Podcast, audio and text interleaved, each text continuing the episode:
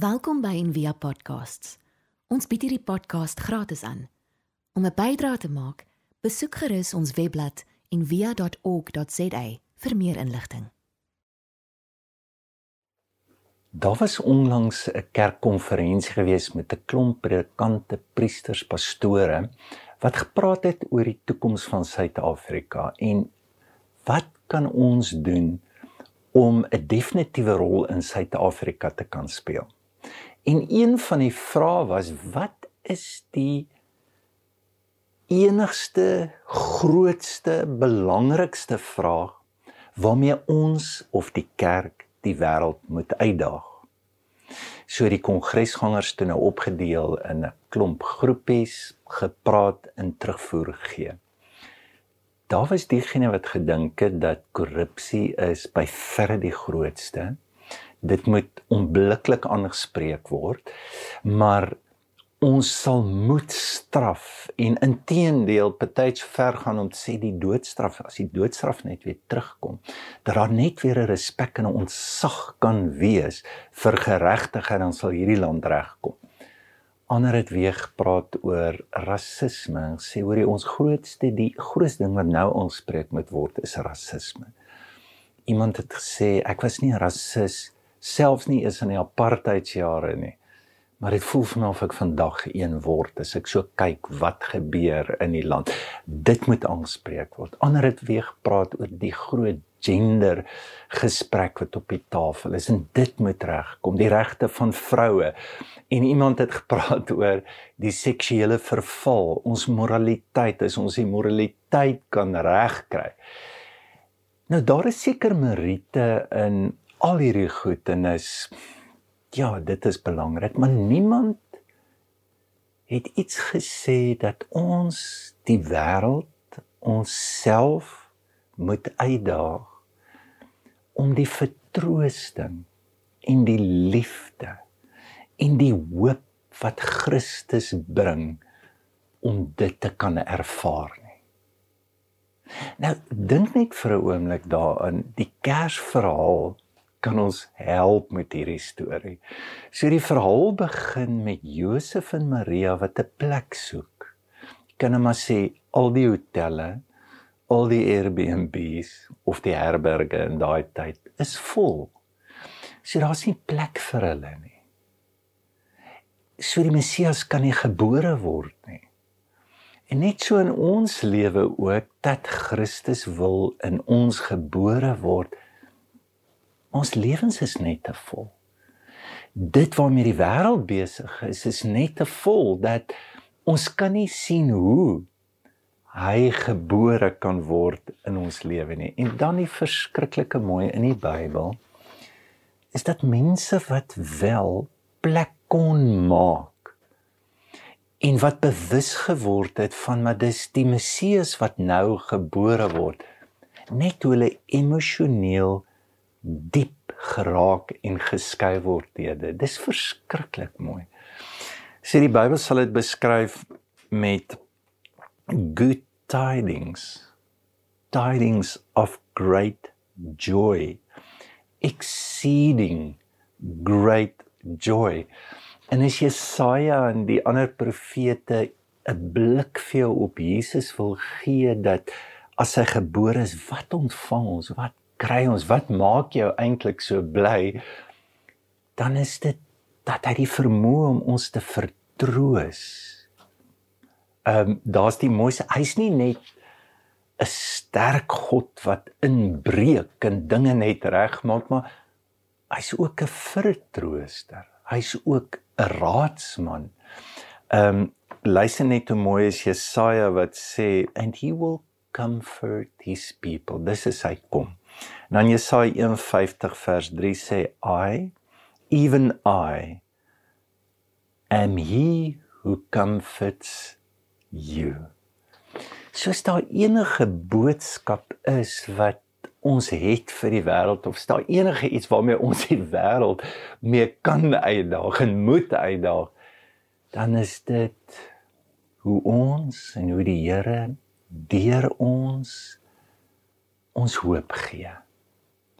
Ons kan vertroos. Ons kan ontmoet in ons diepste nood en ons diepste angs en ook al die goed wat ons pla wat ons weet ons land en ons eie lewe vernietig is om binne dit die boodskap die hoop te kan kry dat dinge sal uitwerk.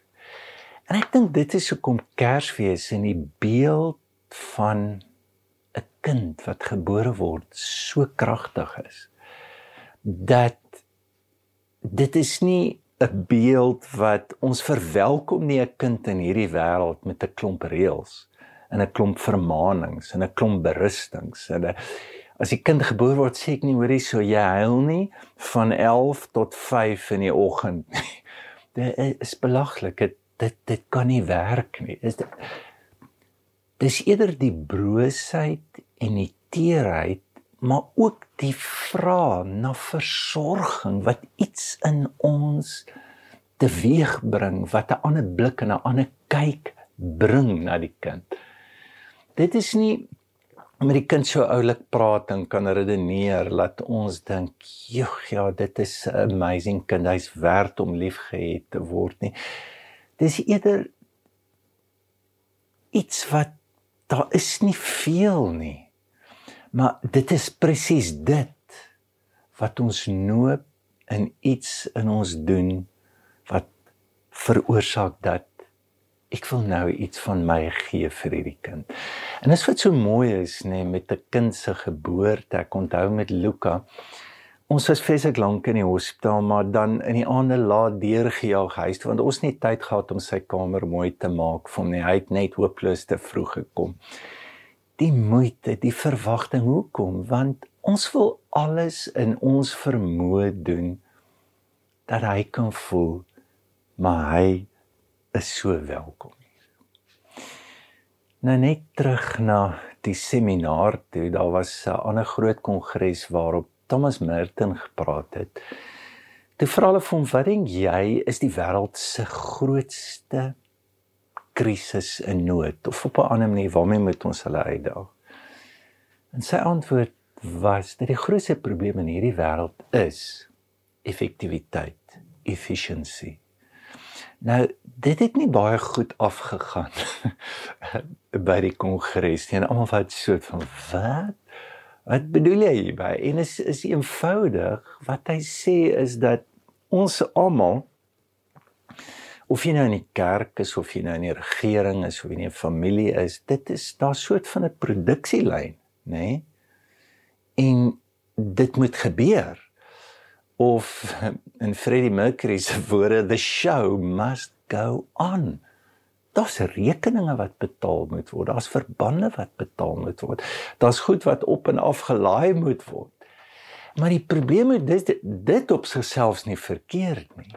Wat verkeerd is van dit is effektiwiteit wat amper 'n maatstaf word van iets wat ons beny.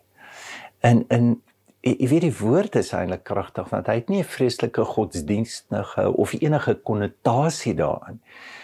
Maar die ding ek dink wat hom dra wat vir hom geboorte gee, die agtergrond van dit kan vreeslik goed wees of verskriklik sleg wees.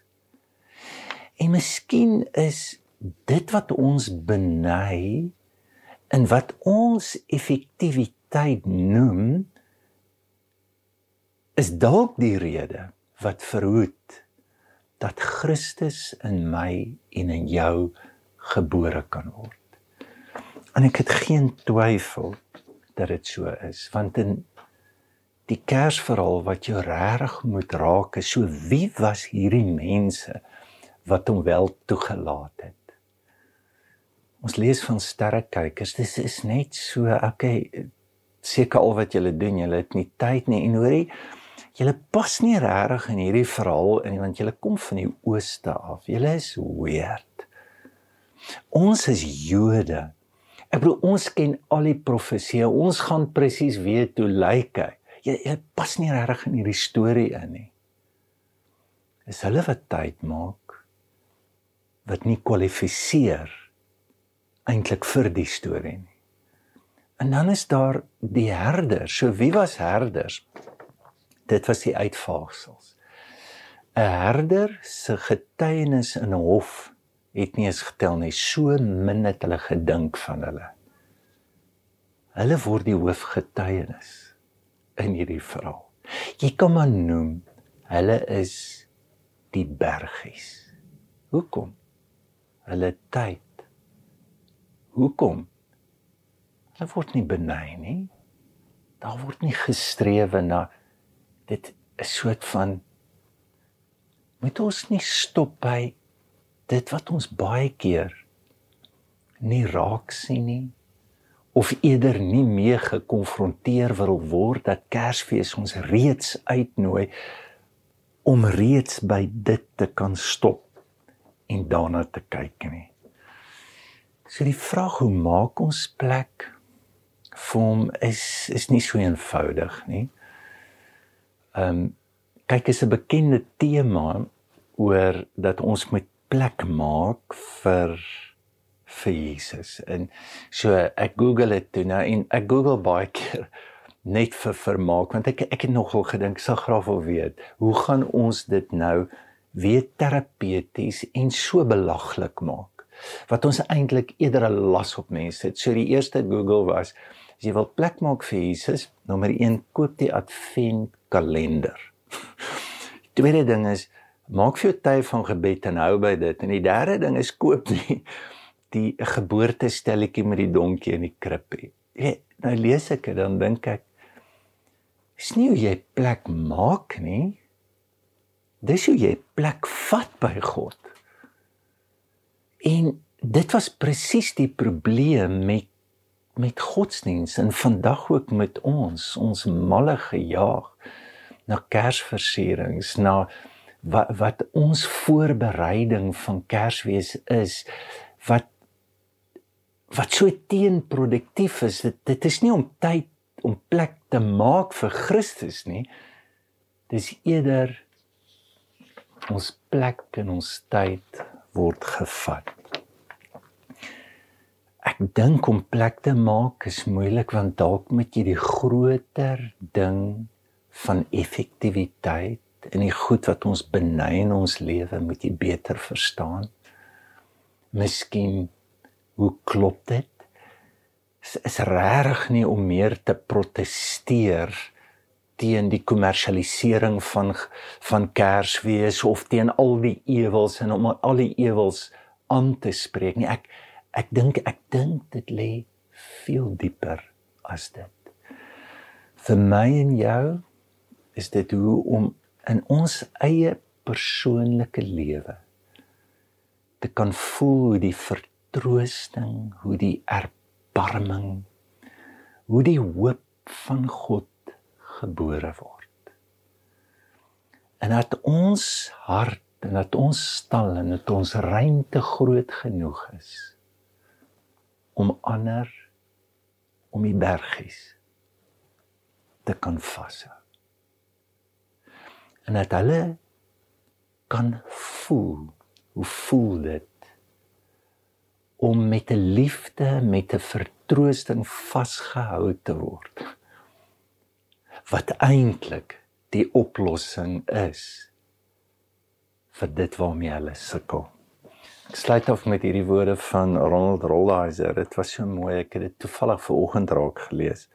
Like the prodigal, prodigal son, the world needs first to be surprised by unconditional love. Kom ons gee dit. Kom ons maak plek. Kom ons voel dit. Kom ons hoop dit. En mag hierdie Kersfees dit vir jou wees. Ons hoop van harte jy het hierdie podcast geniet of raadsaam gevind. Besoek gerus en via.ok.za vir meer inligting.